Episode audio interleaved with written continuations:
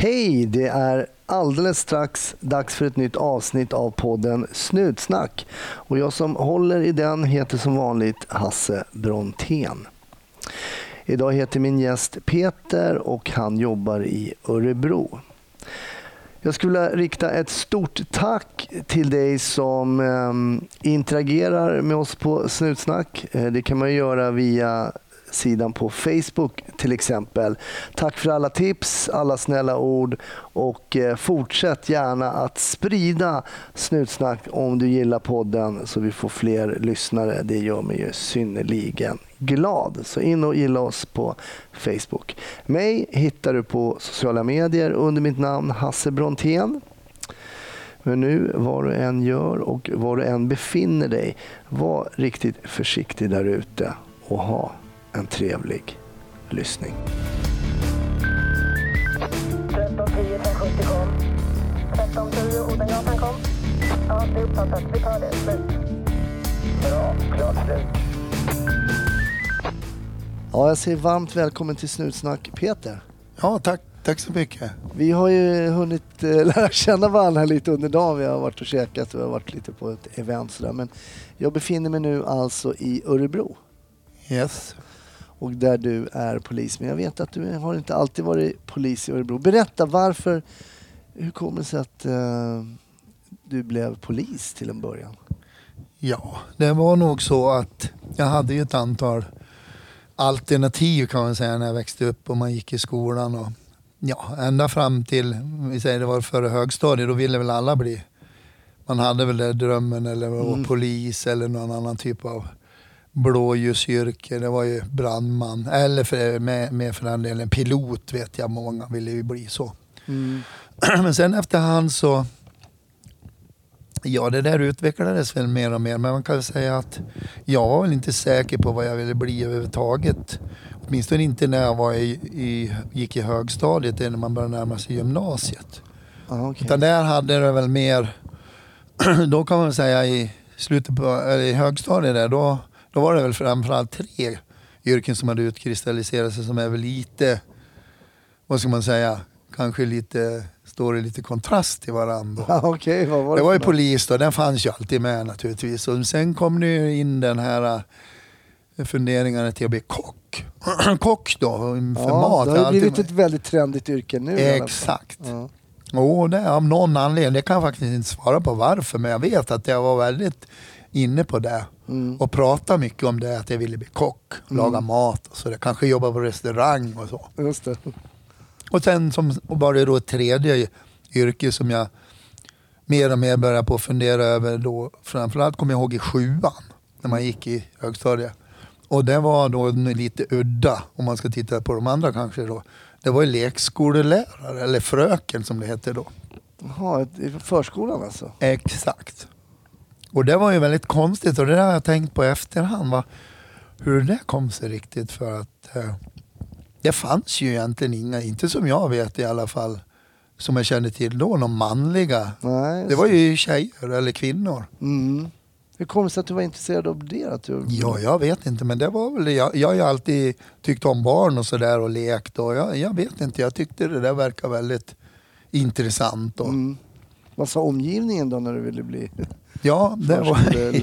Jo men det vet jag när vi diskuterade det där. Det var ju killkompisar de började ju titta lite snett på den där. Så jag funderade, de började fundera lite vad fasiken. Det såg jag, eller det, det, det reflekterade jag över att de, mm, ja, det var väl ingen direkt som sa något rakt ut att det var väl, men man såg att de funderade ju. Ja. Men det blev aldrig det? Nej, nej. Ja. Utan det enda jag kom närmast det, det var ju det då att jag, när man kom i sjuan, när man kom dit här under högstadiet där, då skulle man ju ut och prya som det heter då, pra, det är praktisk yrkesorientering. Man fick ju under ett antal veckor då praktisera, jobba då på ett yrke. Just det. Och då vet jag ju att väldigt många av mina kompisar, de andra, det var ju brandkåren fick de ju komma till och kommun och ena med det tredje. Mm. Men jag tog ju då och funderade då, eller tog och, och föreslog då att jag ville prya på lekskolan. Det fick jag ju då. Hur var det då? Ja, jag tyckte det var jätteroligt. Men jag tänker på, det blev ändå att du sökte på, till polisskolan Hade du några, några i din omgivning som jobbade som polis eller hade du fått några inputs av någon annan? som... Nej, jag har inte haft någonting i släkten. Senare, senare år, betydligt senare, har jag fått reda på att min far, som nu naturligtvis, han lever ju inte då, men min far sökte till polisskolan. Men kom inte in då? På 50, jo, jag, jag är lite osäker på det där, men han, han sökte och sen tror jag att, jag tror inte att det var att han inte kom in, utan jag tror att han valde något annat istället, men att han var med och sökte och grejer. Ja, okay. Och det var ju på den tiden, nu kanske vi pratar 50-tal. Men var, är du upp, var, är, var, är, var i Sverige befinner vi oss nu? I Dalarna. I Dalarna? Var Jag i Dalarna då? Jag är född och uppvuxen i Hedemora, Mm. i södra delen. Men okej, men då slänger det blir i alla fall att du sökte till polisskolan. Och då fanns det väl bara en skola i Sverige? Va? Ja. Ja, det fanns ju Sörentorp. Det Ja. var ju om man säger polisen. Sen hade man ju en för vidareutbildningen i Solna. Just det. Solnaskolan. För där kommer jag ihåg när man gick på Sörentorp så hade vi såna här äh, praktiska övningar. Mm. Hade vi i anslutning till Solnaskolan där. Bland annat kommer jag ihåg vi gick och pat- fotpatrullerade och gick och, och skrev minnesanteckningar om gropar i vägbanan och sånt. Ja, just det. Jo, precis. För då hade vi vissa lektioner där vi skulle lära oss att skriva minnesanteckningar. Och det var ju allsköns saker man skrev minnesanteckningar om. Bland annat var det ju då farliga grova po- potthål och sånt. Det skrev man i, sär, i särskild ordning en minnesanteckning och lämnade in Tror du till... någon polis som skriver om gropar i, Nej, jag tror inte det. i? Hur var skolan då? Hur... Ja, jag tyckte den var ganska bra faktiskt. För att det har jag ju förstått eftersom jag har barn nu som har gått i polisskolan. Två barn och jag har en svärson som har gått på senare tid om vi säger så då, från vi säger 2000 och framåt. Mm.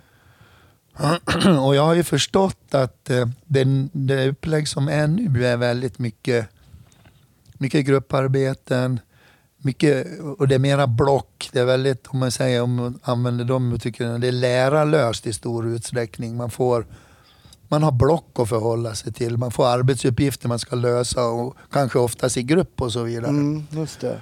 Men så var det inte på din tid? Nej, då var det mera, Klassiskt mera åt det katederundervisningshållet. Det. Ja. Och jag tycker ju, när jag berättar, som jag sa, både min dotter och min son och min svärson är poliser idag. Och när jag berättar hur utbildningen var då, Mm. med det här med lärare, vi hade schemalagt, eller som gick i, vi hade ju ett fast schema precis som vilken skola som helst.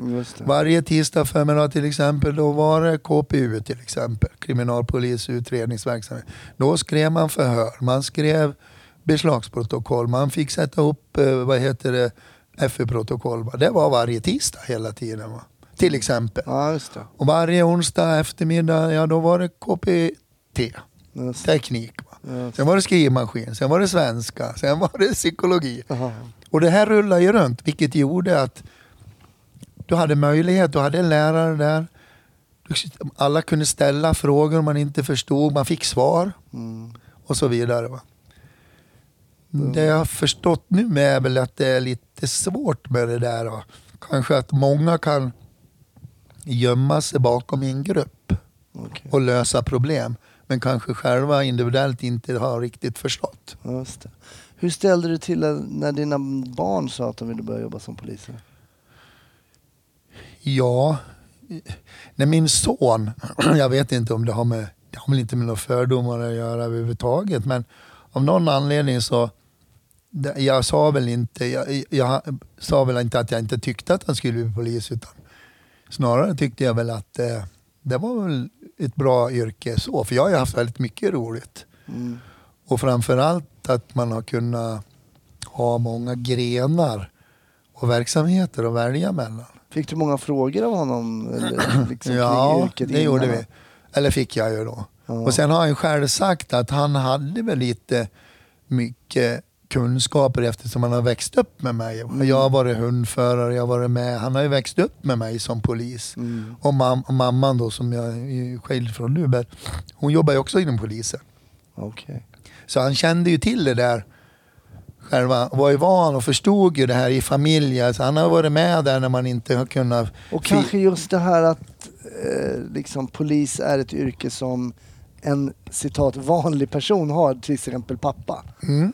Att inte det är någonting fjärran som man inte vet riktigt vad det är. Exakt, och framförallt så har ju han, det har jag ju själv sagt också, det har jag ju märkt att på grund av det så har ju inte han haft någon slags, om man ska uttrycka det, någon slags polisromantisk tänk Nej, kring yrket. Va? Utan det, precis som du sa, det har varit ganska handfast. Det här yrket har pappa haft och det här har han levt i. Han har vetat det. Nej men nu måste jag jobba till exempel på helger och ibland när vi har varit ute, jag vet när vi har spanat, han har, när vi har åkt så har vi fått tag i en runda, han har förstått varför. Nej men jag får inte hem för. Nej men jag ska åka bara förbi och kolla här lite på Mm. parkering. Och sen har han ju förstått efter han var där var. Ja, just det. Så han har ju, Men du avrådde honom inte? nej nej nej, absolut inte. nej. Men min dotter försökte jag avråda. Jaha, varför då? Men ja, men det berodde inte på några förutfattade med eller haft någon eh, uppfattning om att tjejer eller kvinnor inte ska vara poliser. Tvärtom, för det tycker jag ju. De är ju inga sämre poliser än män. Nej. Utan det var väl snarare att hon hade ju då, när hon bestämde sig för att söka till polisskolan, Mm. då hade hon två år tidigare gått ut och fått examen från GH här i Örebro. Alltså hon studerade nästan fem år på universitetet till idrottslärare.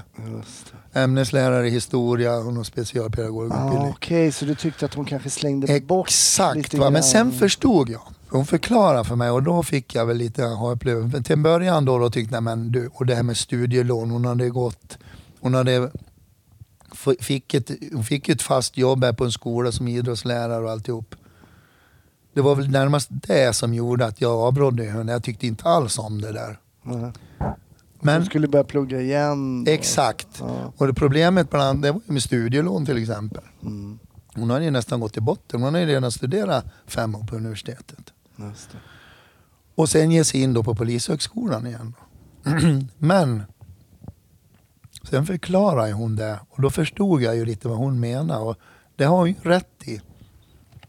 Att hon, hon hade ju sett vad karriärvägarna var. Hon hade ju hunnit se då på de här två åren vad lite begränsade ytor det fanns för lärarna att göra karriär om man säger så. Mm, ja, jag förstår. Hon hade ju sett de här som var kanske 55 år, närmar sig 60, som hade gått där som idrottslärare i 40 år och var lärare.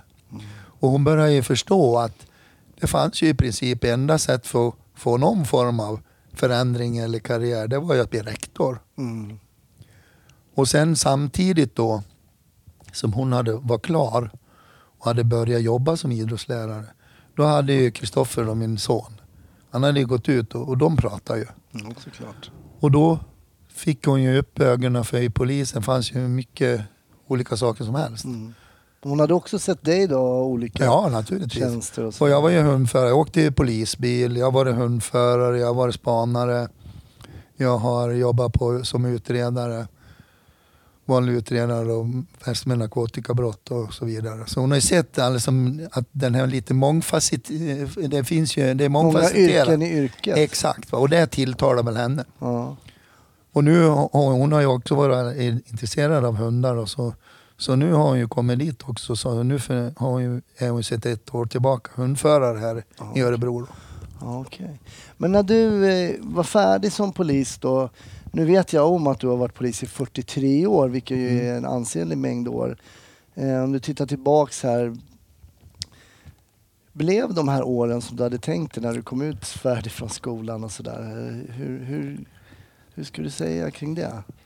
Nej, alltså Nej, det kan man väl inte säga att det blev som man tänkte då. För när jag gick in så hade man ju även, trots att man var ganska såg ganska nyktert på vad det var för någonting man gav sig in i så hade man väl någonstans något slags polisromantisk tänk. Mm. Och man var väl inte riktigt insatt i den grå vardagen riktigt. Nej, Det ska jag ju inte vilja påstå. nej.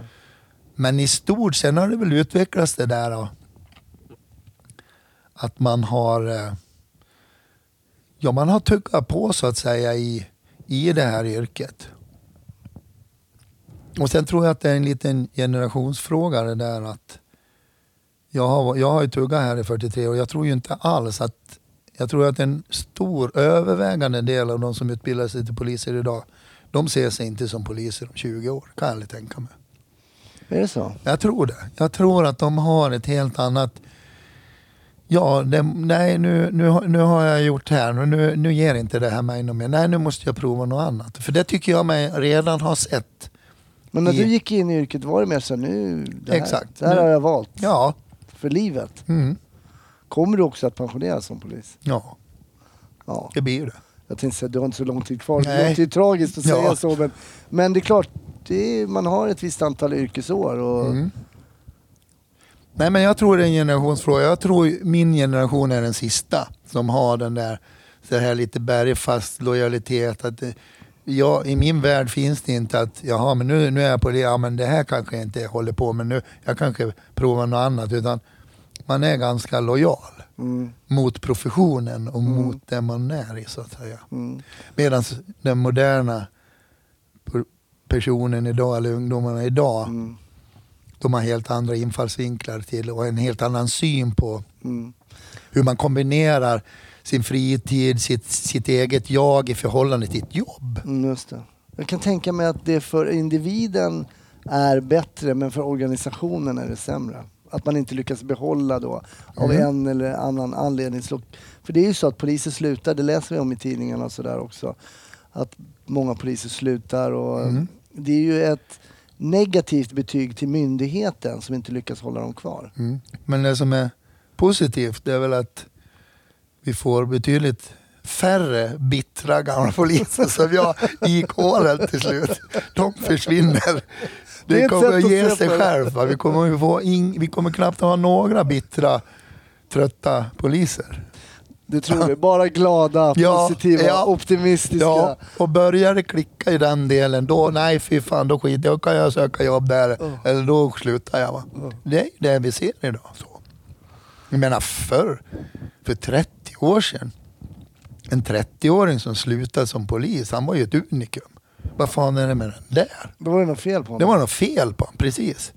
Nu hör jag, ja, nu ska den sluta. Ja, ja, nu har han fått jobb där. Han kommer att sluta på fredag. Jaha. Ja, vad är han? Nej, men du, han slutade ju för tre månader sedan. Han jobbar ju där nu. Ja. Jag menar, det förekom ju inte för 30 år sedan. Nej, det gjorde inte det. Nej, för tusan.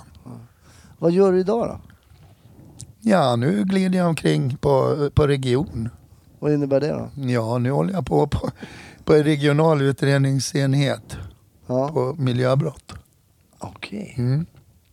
Och okej, miljöbrott, intressant. Det har vi inte haft någon gäst som har jobbat med. Nej. Vad kan, det, vad kan du ha för ärenden på dina bord?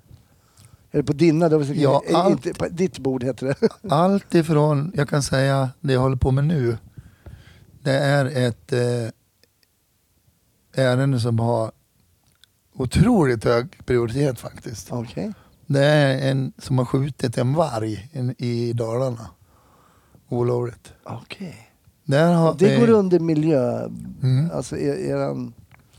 Och i den typen av brott så jobbar vi, om man säger generellt, och nu pratar jag inte om det specifika, nu har vi ett sånt som jag, som jag handläggare för, som jag jobbar med, men även i sådana brott så använder vi oss av både hemliga tvångsmedel och, och annat. Precis som vilket grovt. Och vi har, vi har lite symbios med NOA. Och, Man blir nyfiken hur man hittar en misstänkt i en skjutet varg-case. mm. Men det finns medel för det. Ja, det är så. Du vill inte avslöja det. Okej, det, är ett- det är ett intressant ärende som man inte hör så ofta. Eh, Men vad ligger det mer på er miljöbrott? Jag Ja, tänker arbets- att någon har släppt ut, alltså, släppt ut olja i sjön. Ja, eller det finns också. Något sånt. Det finns också. Eh, olovlig vattenverksamhet eller du har några dumpningar och grejer. Och framförallt det vi har också det är ju alla dödsfallen. Utredningarna på de här dödsfallen på arbetsplatser. Då. Okej. När folk blir ihjälklämda och överkörda och, avlidna. arbetsplatsolyckor alltså. För det dör ju ett x antal människor per år Mm. i, just på sina arbetsplatser. Mm. Det är inte poliser som oftast utan det är folk som Mm. knegare som blir klämda. Och, Byggnadsarbetare är väldigt utsatta. Ja. bland annat. Trots att vi i Sverige har väldigt mycket mm, alltså restriktioner och lagstiftning kring säkerhetsselar och Exakt. ändå så förolyckas folk. Ja, och det är ju ganska intressant att se i den här typen av ärenden hur påfallande ofta det är att arbetsgivaren har gjort allt de kan. De har lagt ner hundratusentals, kanske en miljon på säkerhetsanordningar, maskiner, instruktioner, sådana här eh, automatiska avstängningar och allt för att inte en arbetare ska bli skadad vid till exempel en maskin. Mm, Hantering av kanske något gods grejer kring en maskin. mm, Och ändå så händer det. Och påfallande ofta så är det att arbetaren själv, ja men jag ville gå en genväg och att jag gick förbi där, jag kröp under där. För det tar så lång tid om, jag ska, om den slår av, om jag ska använda skyddsgrejerna. Alltså det påfallande ofta är det de själva, av egna medvetna var som försöker runda säkerhet. Så det är ju lite suspekt, man funderar ju hur de tänker.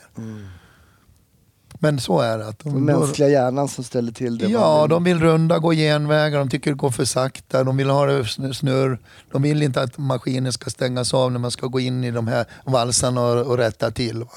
Mm. Utan det går, men de kan snurra i alla fall och jag kan få bort det där ändå. Va?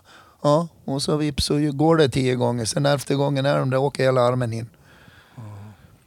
Det är påfallande ofta som jag reagerar på. Och vad, vad är syftet med eran utredning då? Är det se till att inte att så att säga se till så att det inte är ett brott begånget då eller? Ja, Eller ska exakt. man utreda det ändå? Ja, det, Jag trodde inte det låg på polisen. Jo, helt kort så. Jo, nej, så att det vi utreder det är man kan säga symbios med, eller i vart fall i nära samarbete med Arbetsmiljöverket. De, Ja, de kommer ju alltid ut på sådana, också på platserna. Mm. Och sen kan man väl säga lite förenklat så går det ju till på det här viset då att Arbetsmiljöverket, de kör sitt race Mm. och sen polisen kör sitt. Och polisens, kan man väl säga, huvuduppgift i den delen på en arbetsplatsolycka, det är att se om det finns, om det finns, vad ska man säga, saker som pekar på att arbetsgivaren har brustit i sina åtaganden just gentemot arbets... Förstår du? Ett, förstår, ett ja. arbetsmiljöbrott så att säga. Det, Och det kan du ju bara pådyvla en arbetstagare så att Mm. säga. Du kan ju inte pådyvla en, en arbetare ett arbetsmiljöbrott i den bemärkelsen. Okej. Och det är där vi ska se, finns det, eh, har en arbetsgivare brustit här? Har han underlåtit att till exempel se till att inte de och de säkerhetsföreskrifterna kan uppfyllas eller att har de inte sett till att ordna skydd för de här grejerna? Mm. Då, det är det vi utreder så att säga. Mm, Okej, jag fattar. Jag brukar alltid be min gäst ta med sig en em, historia som på ett sätt har påverkat, som ligger kvar i minnet. Och jag vet att du har sagt innan här att du har faktiskt har flera sådana historier. Men vad, vad, vad tänker du kring vilken du skulle vilja berätta? Jo, det är ett, en händelse. Det är ett mord. Det var mitt första mord som jag var med och utredde kan man säga. 1991. Och det utspelar sig uppe i Dalarna då. I Avesta. Mm. Och det var så att det var en kvinna som blev brutalt mördad av sitt ex kan man säga. Mm. Och det här paret då, de hade fem barn. Det yngsta barnet var två år och den äldsta var 13. Och eh, Du var, jobbade som utredare då? ja, exakt. Jag hade precis, eh, det var ju 91 så jag hade ju precis, på 80-talet var jag ju hundförare. Mm. Så jag hade slutat med min hund där. Han dog ju där runt, han var ju nästan 10 då, eh, runt 89-90 där. Och då gick jag in på krim som det hette då och hamnade då på våldsroten. Och eh, då var det så att eh, den här kvinnan och den här mannen i alla fall, han, hon hade träffat honom flera år tillbaka då han var från Rhodos. Han hade flyttat hit och de bodde, hade bosatt sig i Rinkeby. Och de hade som jag sa fått fem barn och så vidare. Och det där äktenskapet utvecklade sig på så sätt att han började terrorisera henne. Hon blev slagen i, i, inom äktenskapet och ja, misshandlad och både psykiskt och fysiskt och hade ju, i princip kan, visade det sig ett rent helvete. Och hon, det tog ju flera år innan hon kom ut där, ur det här förhållandet. Och de som hjälpte henne ur det här förhållandet var ju släktingar till henne. Det var en moster bland annat och mosterns man. Så de hjälpte ju till på så sätt att de hjälpte väl till att ordna en lägenhet till henne i Avesta där hon kom ifrån. Hon var ifrån Avesta. Ah, okej. Så hon lyckades ju få med sig barnen och fick väl ordnaden om de här tre, fem, eller fem barnen då. Fick en, det var en ganska stor lägenhet, jag tror de femrummare. Och det gjorde ju då att hon kunde ta sig ifrån den här mannen. Mm. Han blev kvar i Stockholm i deras lägenhet i Rinkeby och han jobbade som taxichaufför där. Och eh, sen var det ju så att han fick ju då, hade ju naturligtvis umgängesrätt med barnen. Och eh, det funkar ju till en början ganska bra det där och till synes i början började man ju förstå att han kanske insåg att det höll inte att hålla på på det här viset att han måste visa en annan sida att de ändå hade barnen ihop och det skulle fungera. Och jag vet ju att eh, till och med så eh, fick, var han med någon gång och satte upp tavlor och så. Det gick alldeles utmärkt. Okej. Och hon kände sig verkligen att livet vände där. Och eh, sen var det en helg, då skulle han ha de här fem barnen. Så han kom upp till Avesta och hämtade dem. Hon hade gjort ordning barnen med kläder och allting. Och han kom upp och hämtade barnen.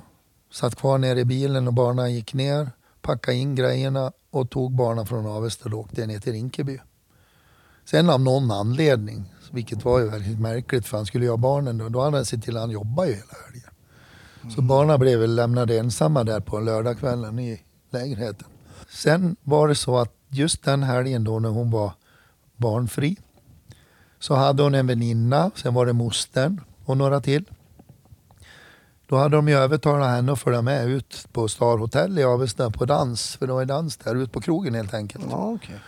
Och det hade hon ju inte varit på många, många år. Hon hade ju varit helt eh, förbjuden att gå ut överhuvudtaget. Jaha, hon fick inte gå ut och dansa. Nej, så hon till slut nu då så accepterade, tyckte hon att det där var ju jätteskönt och roligt och att hon kunde följa med dit. Så, så blev det. Att hon följde med där ut Mm. på lördagskvällen. Sen på söndagen då, då hade den här mostern och eh, någon mer släktingar ringt och sökt henne på förmiddagen och fick inget svar. Ja. Och då har de blivit oroliga. Så det slutade med att det var en polispatrull som åkte dit. Fick hjälp då med någon vaktmästare där och öppnade ju dörren och då hittade man ju henne i köket. Det var ju en där stor blodpöl på golvet. Allt blod hade ju runnit ut där på golvet. Hon var ju knivhuggen med, jag tror det var över 50, närmare 55 knivhugg vi räknar till. Oj. Varav minst över 20-tal var ju direkt dödande var för sig. För det var ju ett raseri naturligtvis. Och där är det ju det klassiska oftast att det är någon förfördelad svartsjuka eller annan. Och det är i det här läget som du får ärendet på Ja. ditt bord då? Att man, hittar, man har hittat en mördad kvinna då? Ja. Och då sätts det upp en organisation på våldsroten. Det är väl andra eh, poliser som deltar där också. Sätts ihop en grupp där med någon ledning. Ja. Och misstankarna faller ganska omgående. Det fanns ju vissa skäl till det på mannen då, vilket gör att han plockas in av Stockholms kollegor som hjälper till där och åker och hämtar honom. Men det var ju inte sådär riktigt. Men han var, Skarpt. han var misstänkt direkt. Ja. Det- Men är det inte så, rätta mig om jag har fel, att väldigt ofta hittar man eh, mördaren Ja. eh, i en ganska nära krets Ja. till familjen? Alltså. Man kunde konstatera bland annat att det var, fanns ju inga brytmärken. Skulle hon ha haft någon med sig? Nej, de hade, hon, de hade ju berättat redan att de hade ju lämnat henne själv där och i lägenheten. De, eh, ja, anhöriga som var med på ute på kvällen och så. Mm. Men i vart fall så plockas ju mannen in där i Stockholm, Rinkeby. Kvar blir barnen. Barnen finns ju i hans lägenhet. Just. Så SOS kopplas in, socialen kopplas in och eh, barnen blir direkt placerade då på ett barnhem naturligtvis. Mm. Vilket är ju bra. Ja. Så de eh, finns ju där.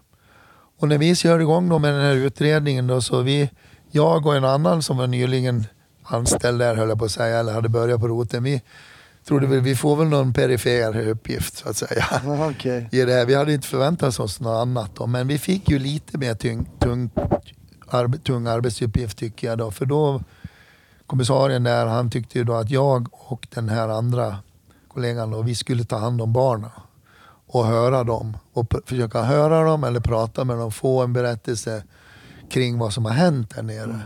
Hade du någon hade du någon speciell utbildning i att förhöra barn eller någonting sånt på den tiden? Då, eller? Nej, inte någonting. Du hade aldrig förhört ett barn innan? Nej, det kan jag nästan säga att jag inte hade. Ah.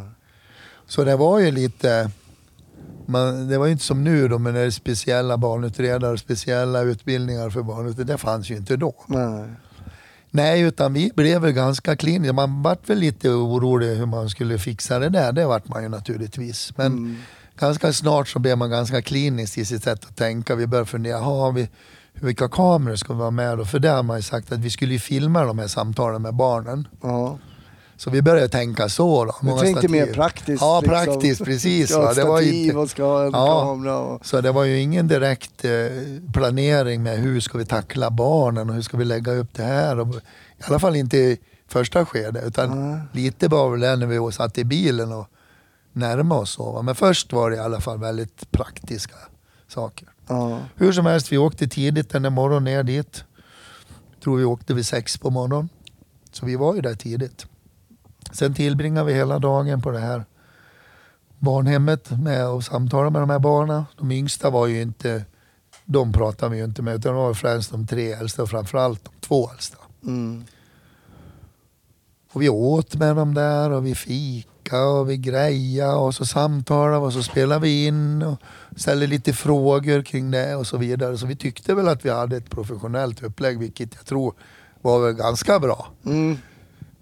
För att inte ha någon form, Ja, formell liksom, precis. så, Jo, så men precis. Men framförallt var det en utav döttrarna där som hon var 12 år. mm. som var lite speciell och jag pratade mycket med henne och jag la märke till att det var någonting, för vi pratade om vad de hade packat, om pappa hade sagt någonting och hur det hade varit med honom och hur de hade tänkt eller sett och bla, ja det var ju allsköns. Men förstod de, förlåt att jag avbryter, men förstod de vad som hade hänt? Ja, mamma? det visste de. Visste de att mamma var Ja, död? ja, och vi, vi förtydligar ju det också, men det fick vi ju, det fick vi faktiskt, det fick vi veta att det har ju, hade ju de ju blivit, det hade de talat om för dem. Ja, så du behövde inte berätta just den biten? Nej, men vi, vi berättade det och vi pratade lite om det också, men de, de förstod det. Mm. Den här tvååringen och sen tror jag det var den andra, hon var Nester, var väl fyra. De tror jag inte riktigt förstod. Nej, De nej. förstod väl i alla fall att det var någon koppling till mamma. Ja.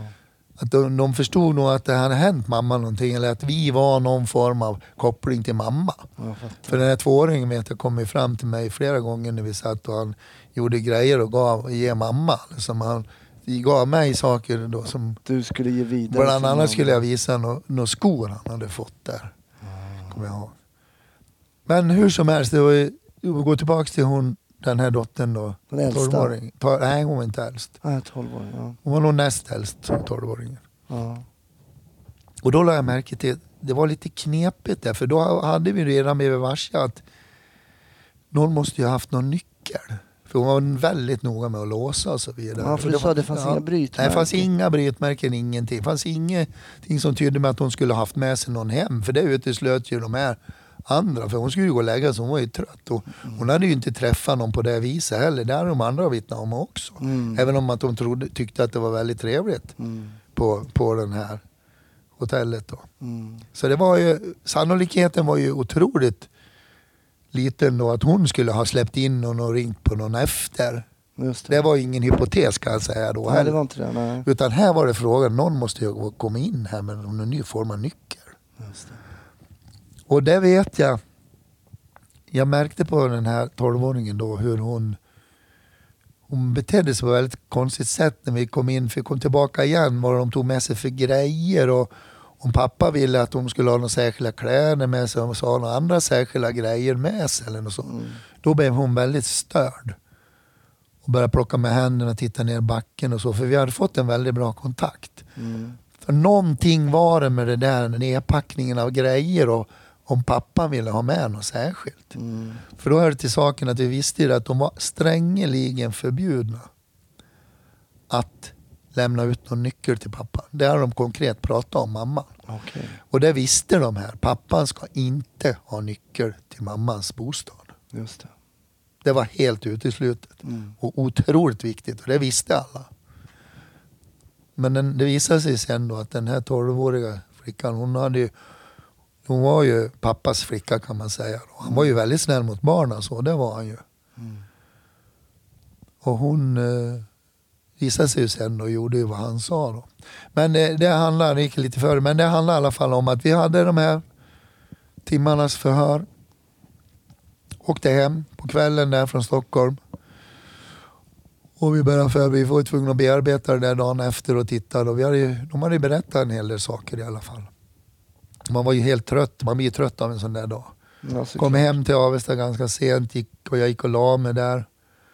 Så hade somnat och sen var klockan över tolv, tolv kvart över tolv. Då Mm. blev jag väckt. Då ringde telefon. Okej. Ja, det var ju bara vakna ju till där och, och svara. Då var det barnhemsföreståndarinnan som ringde. Och bad om ursäkt då att hon ringde men det gick inte för att den här 12-åriga flickan då, hon var så förtvivlad. Hon vägrade lägga sig, hon kunde inte sova. Och hon hade bett om att få ringa upp, hon ville prata med mig. Mm. För då visade det sig att hon hade inte talat sanning åt mig. Hon ville inte ljuga för mig. Hon hade sån ångest för vad det var som hon hade ljugit om. Okej. Och då började jag ju förstå det innan, redan innan jag pratade med henne då på telefon. Att shit alltså, är, hon har ju gett pappan, hon har ju smugglat ut en nyckel till pappan. Var det så också? Ja, det var ju så. Men jag fick ju prata med henne då. Hon ville ju prata med mig. Och, och hon hade ju ångest för det här. Och hon sa, uttryckte ju det också att det var hennes fel då. Att om det var pappan som hade gjort mamma det här så var det hon som hade gett honom nyckeln. Så det förstod jag ju på en gång. Hon hade otrolig ångest för det hon här. kände sig skyldig. Exakt, hon kände sig skyldig. Hon, hade, hon visste ju att det var fel. För även den äldsta dottern hade ju också pratat med henne om det där vid tidigare tillfällen visade det sig sen att du, Okej. vi måste se till det. Du inte ge, oavsett om han ber om det eller något. Så så viktig var den där nyckeln. Men du fick ju, det måste, du måste ha fått en ganska bra kontakt med den här 12-åriga tjejen då med tanke på att hon ändå ringer upp, ber Ja. föreståndarinnan här ringa upp och sådär. Ja. Och det slutade ju med då att hon, jag frågade ju då om hon ville, ja hon ville att jag skulle komma tillbaka dagen efter. Mm. Och att hon ville berätta det här för mig. Då. Hon var ärlig. Hon ville säga det. Hon ville att jag skulle komma dit och vi skulle göra om det här. Och vi, så blev det. Vi Åkte ner igen då? Ja, istället för att analysera det där nu då, som vi hade planerat då, hemma där så var det upp tidigt så vi åkte sex på morgonen igen upp. Jag ringde upp den här kollegan och sen blåste vi ner till Stockholm igen. Och hade samtal med hon flickan här, 12 Det år. kanske var trots allt eh, väldigt skönt för henne Ja, att, det få, det. att få berätta sanningen då fast Jo. hon visste att hon hade Jo, det var det. gjort fel. Och jag har ju pratat om det här efteråt. Jag har ju träffat henne i Stockholm för ett antal år sedan. Nu är det väl kanske tio år sedan. Ja, Tror jag. ja, okej. Åtta, tio år sedan. Hemma hos henne. Hon har ju familj. Ja. Så att... Eh, nej, hon tyckte nog det var skönt. Och framförallt när hon förstod ju naturligtvis sen då att hon inte behövde ha någon ångest för det här att ta på sig. Men just i hela det där. Jag, jag, Men det kan Nej. man förstå alltså. Jag Ja. kan, man kan förstå att man verkligen får det. Och just det här äh, som du sa, det är någonting som man kommer ihåg. Och det var just när det var så intensivt mitt upp i det där. När hon hade den där ångesten och när hon, när hon anklagade, eh, anklagade sig själv då för att och förstod kausaliteten. Mm. Alltså hon förstod sammanhanget Sambandet, mellan ja. Mm. mordet och hennes och vad ska jag säga då, brott inom citationstecken att ge pappan nyckeln som var ju helt Mm. Varför tror du att det här ärendet, jag tänkte vi ska, jag ska ställa fler frågor till hur, hur det gick om han Mm. var den skyldiga och om han blev dömd och så vidare. Men innan vi kommer till det, eh, varför tror du att det här ärendet ligger så starkt kvar hos dig? Ja, det var nog den kontakt jag fick med henne. Mm.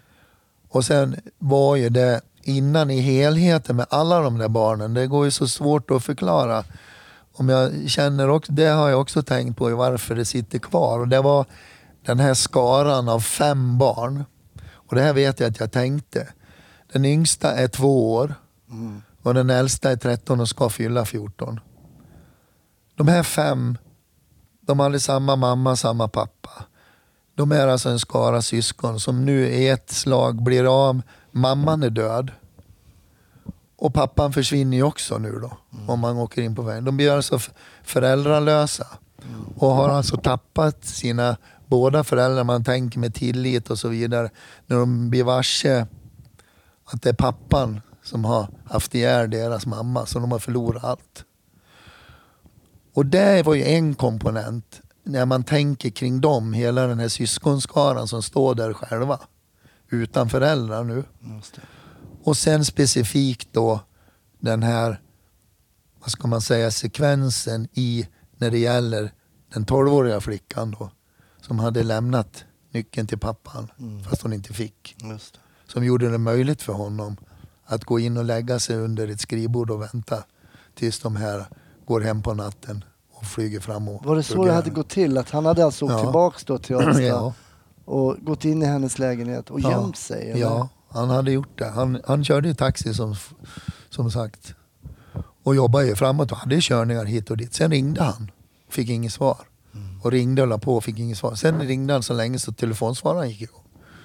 Och då hade hon, då, mm, den här kvinnan, pratat in på svararen att jag kan inte ta ditt samtal nu, någonting i den stilen. Utan är det någonting så får du ringa imorgon för jag är, jag är ute på krogen nu, jag är ute och dansar och jag har inte tid att, att, att prata i telefon. Utan det får, får, vill ni någonting får ni ringa morgon förmiddag. Och då kan man väl säga då, om man ska uttrycka sig som vi brukar göra, att då gick propparna på honom. Och då sitter han och jobbar i taxin. Så han hade en körning till Uppsala med en äldre dam. Och där ringde han igen och, och lyssnade på samma samtal igen. Då gick sista proppen. Så istället för att vända från Uppsala, vända åter mot Arlanda och ställer sig i taxikön där igen. Så viker han höger. Och åker ut mot riksväg 70 och vidare upp mot Arlanda. Då, då har han en, en, en, en åktid på ungefär en, en och en kvart. Och då åker han hem dit till bostaden. Så han anländer ju vid bostaden ungefär, då har ju det slutat på krogen när vid två. De blev ju kvar i garderoben och pratade med folk. Och, men vi förhörsmässigt, eller utredningsmässigt sen kommer vi fram till att han anlände till hennes bostad ungefär 5-7 minuter innan de kommer hem. Okej. För då tar ju hon med sig, då ska de dricka te. Det är mostern, morbrorn och sen är det en väninna till henne. De, hon tar med dem hem på te. Mm. Så han har ju kommit in där och öppnat med nyckeln. Då är det ju ingen där. Nej. Och så vet han ju inte riktigt vad han ska göra. Men han vill ju åt henne där. Och så, men så han står där inne. Tror du att han hade planerat att döda henne? Alltså, Mm, Ja, vi försökte, jag var ju förhörsledare på honom där då när han erkände. Men Ja, alltså han hade ju lovat det tidigare i, i, om man tittar på historiken med anmälningar som hon hade gjort mot honom då, hur han hade uttryckt sig och han har skrivit brev och ena med det andra. Att han lovade ju henne att han skulle döda henne. Och han hade till och med angivit olika alternativ då. Hugga gärna eller slänga henne från hög höjd eller balkonger. Och. Så han hade ju, det var ju dokumenterat att han har ju kört det i den var stilen att trycka ner henne. ja. Men sen vet jag väl inte, det framgick väl aldrig riktigt om han hade det uppsåtet från början när han åker upp. Utan snarare kan det väl vara ett uttryck för någon slags frustration att han ska ha kontroll på henne, eller som att skrämma upp henne igen kanske. Snarare än att han bestämmer sig för att åka upp och ha ihjäl. Utan det blir ju så då att när han finns där inne då hör han ju hur det smäller till i trapphuset. Det är på andra våningen här. Och så hör han ju rösterna på både, han känner ju både den mosterns röst och även kvinnans. Då står ju han inne i lägenheten. Och hon har ju folk med sig. Mm. Han är ju då i en väldigt prekär situation kan man minst sagt säga. Mm, han ska inte vara där nu. Han ska inte vara där. Och barnen ligger i hans lägenhet i Rinkeby och sover. Så han väljer då att gå in i en av döttrarnas rum där som han står väl närmast där i hallen. Och hon har ett skrivbord där inne så han går in och kryper under skrivbordet och lägger sig där. Blir väl liggande där drygt en timme. Som det tar för dem att dricka lite te och pratar och så vidare. Så han hör ju vad de pratar om. Bland annat hur trevligt hon har haft det där och hon hade dansat med någon karl som hon tyckte var trevlig där och hon hade inte varit ute, fått lov att vara ute på fem, sju år och det var ju så skönt nog att kunna träffa folk, träffa folk och så vidare. Det hade han förbjudit henne Ja. under alla år. Ja. Och sen väljer väninnan och mostern och morbrorn att åka. De ska ju åka hem. Klockan har väl blivit över tre nu. Mm. Så de ringer efter en taxi och lämnar lägenheten. Så hon låser dörren. De lämnar henne där. Hon går in i sovrummet, tar bort överkastet på sin säng. Byter om, sätter på sig en t-shirt, går in i badrummet. Och tvättar väl av sig där. Och sen medan hon böjer sig fram i tvätt, har hon dörren upp, öppen ute i hallen i badrummet.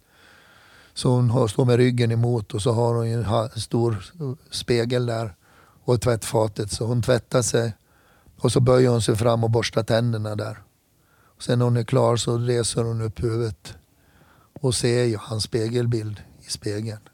Då han står bakom henne. Vilken mardrömssituation. Och det här har han själv berättat. Och vi förstod ju det scenariot. För där inne händer det. För hon har ju tappat tandborsten. Den har ju flugit in i väggen och ramlar ju bakom toalettstolen.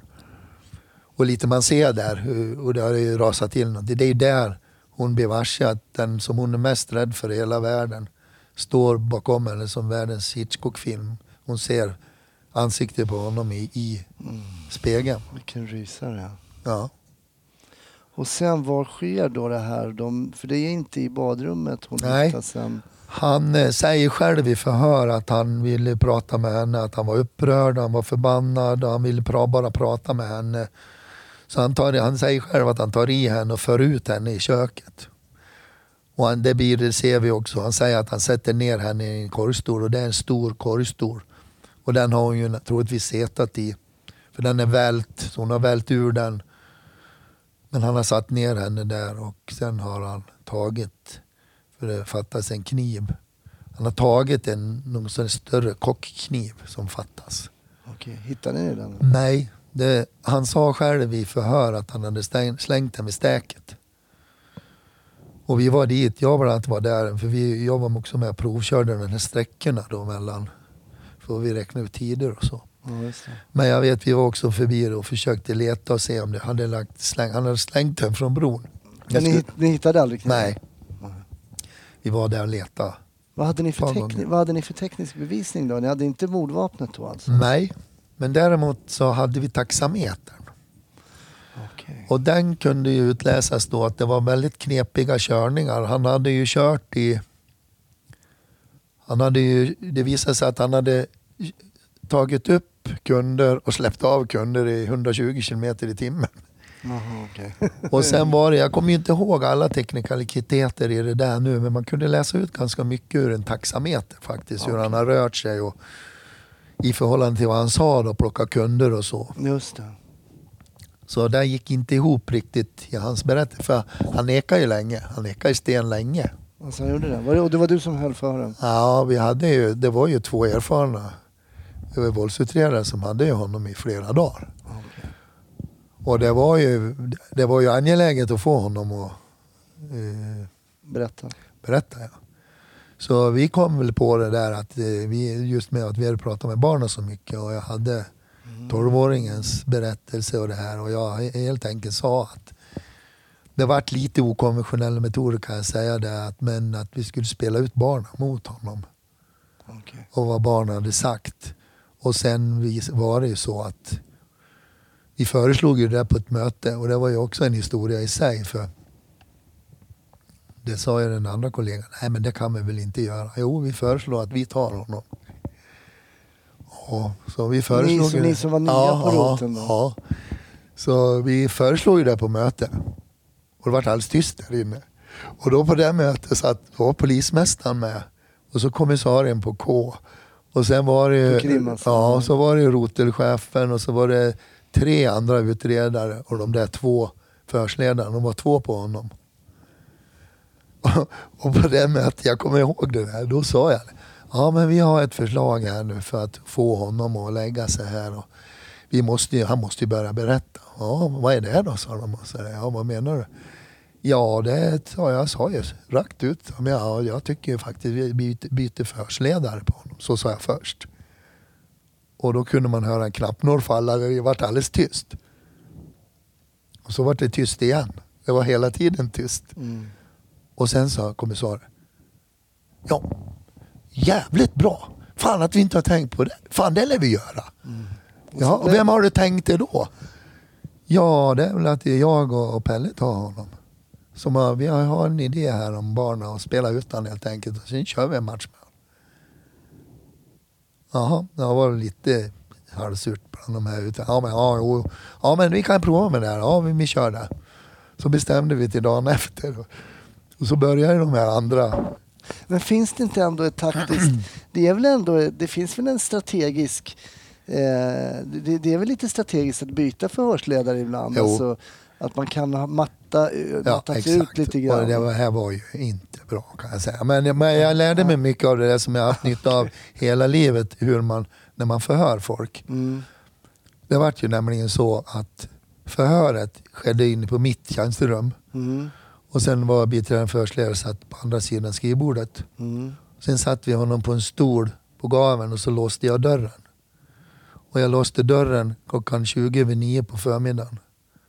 Och halv fem släpade vi ut honom. Då fick vi ringa efter en läkare som kom och undersökte honom. För då var han medvetslös.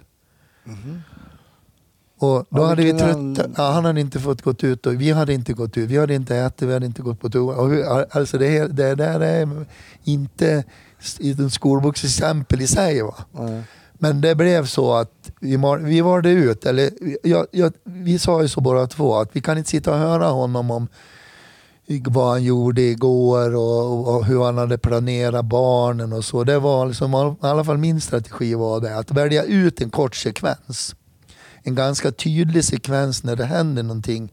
För han hävdade hela tiden, när vi kom till sekvensen, lämna av tanten i Uppsala, Mm. åker ner för backen. Han hade, beskrivit, han hade fått beskriva i detalj hur det såg ut. Och hon hade betalat med American Express eller vad det var. Hon hade visat något kort. Och han hade malt på med det där. Ja, och sen åkte, åkte, tillbaks till, åkte till Uppsala. Eller till Arlanda. Mm. Och det där hade han rabblat Men då tänkte då tar vi den sekvensen. Sen sitter vi och mal, mal, mal, mal, mal, mal.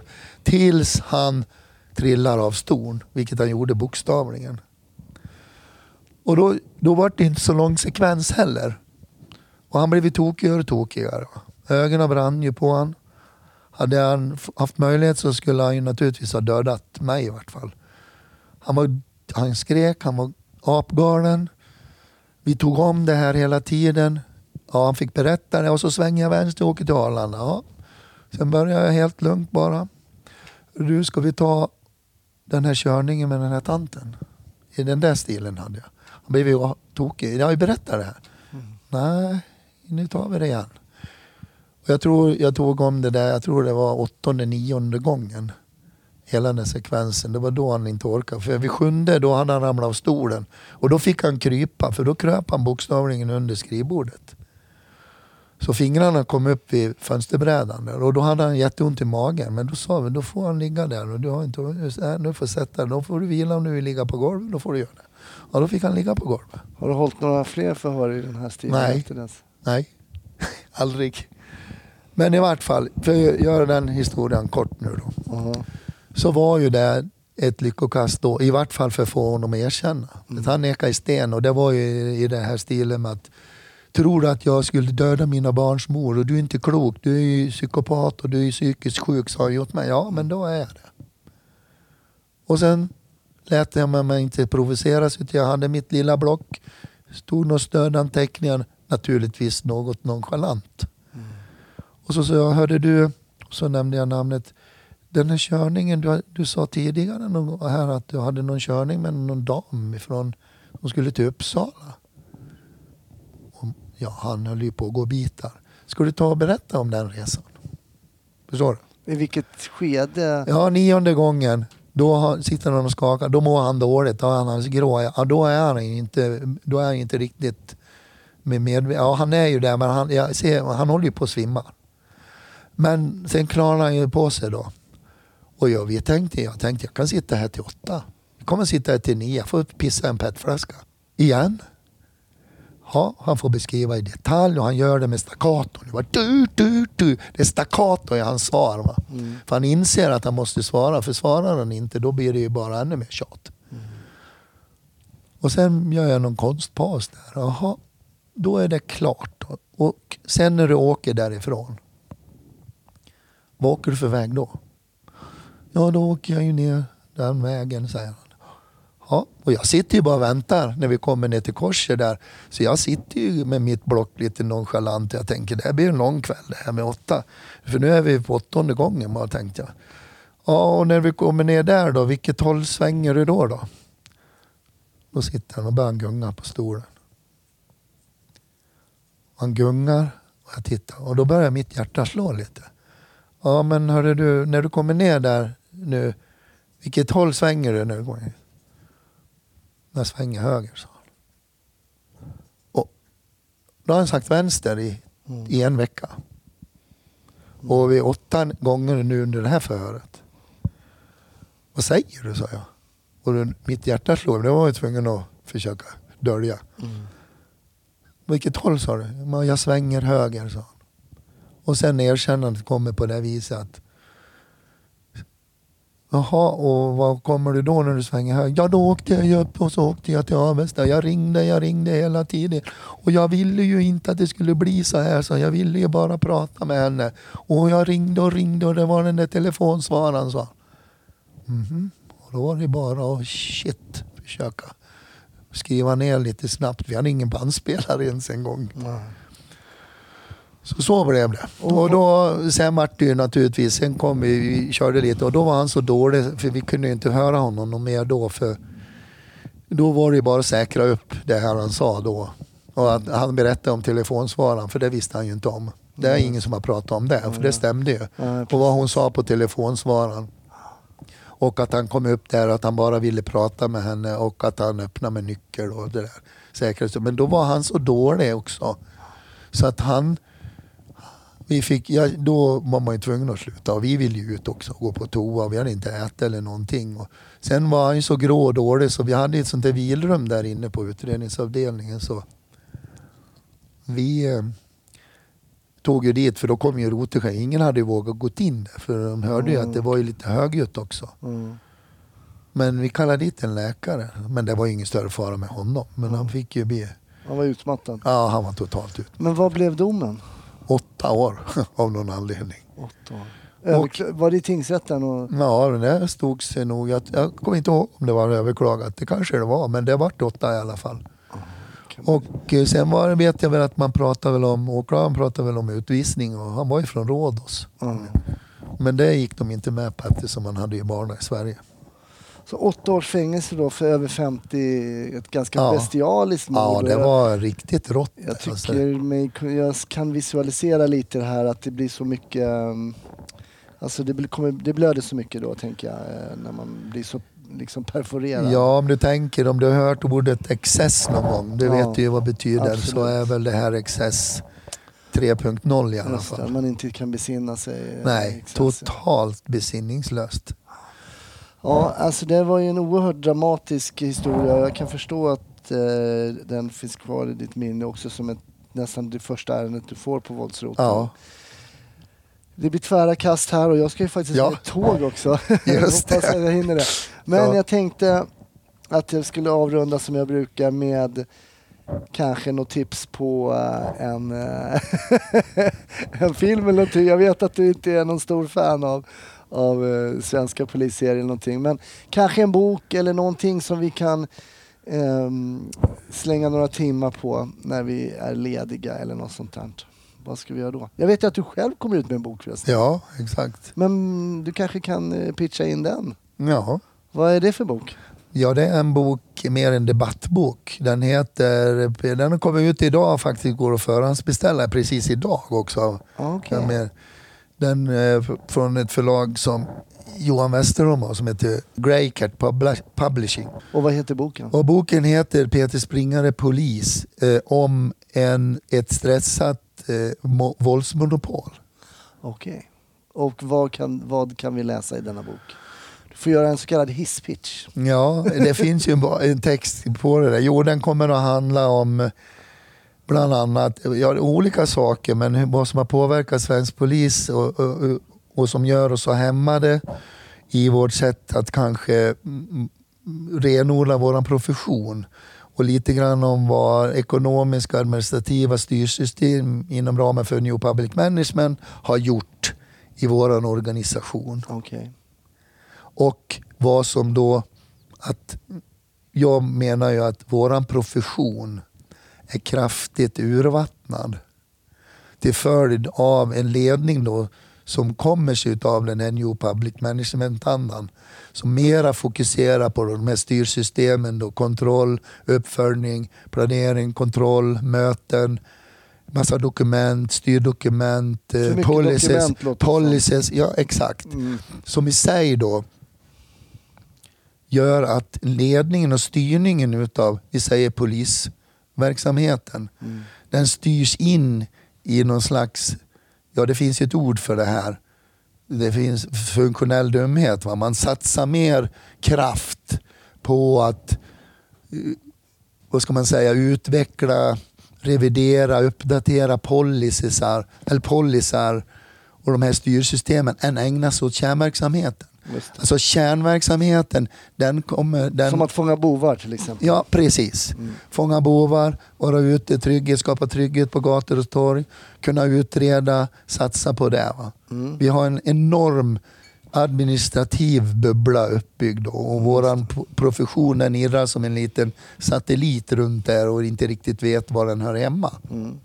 Okej då, så istället för att kolla på Beck eh, eller Johan Falk Ja. eller någonting Ja. annat så rekommenderar du din bok som heter Ja, Peter Springare den- Polis. Ja, och den, den går ju att förhandsbeställa som sagt. Men jag lägger, upp, jag lägger upp en länk, jag kan väl få en länk av Ja. dig så kan vi lägga upp det Ja, på Snutsnacks Facebook-sida i samband med att vi släpper Mm. det här avsnittet. ja. Nu måste jag springa ja, jag till vet. tåget. Du måste till tåget. Eh, stort tack Peter Ja, att jag fick prata med er och tack för en väldigt Ja. spännande historia. Ja, Tack så jättemycket. ja.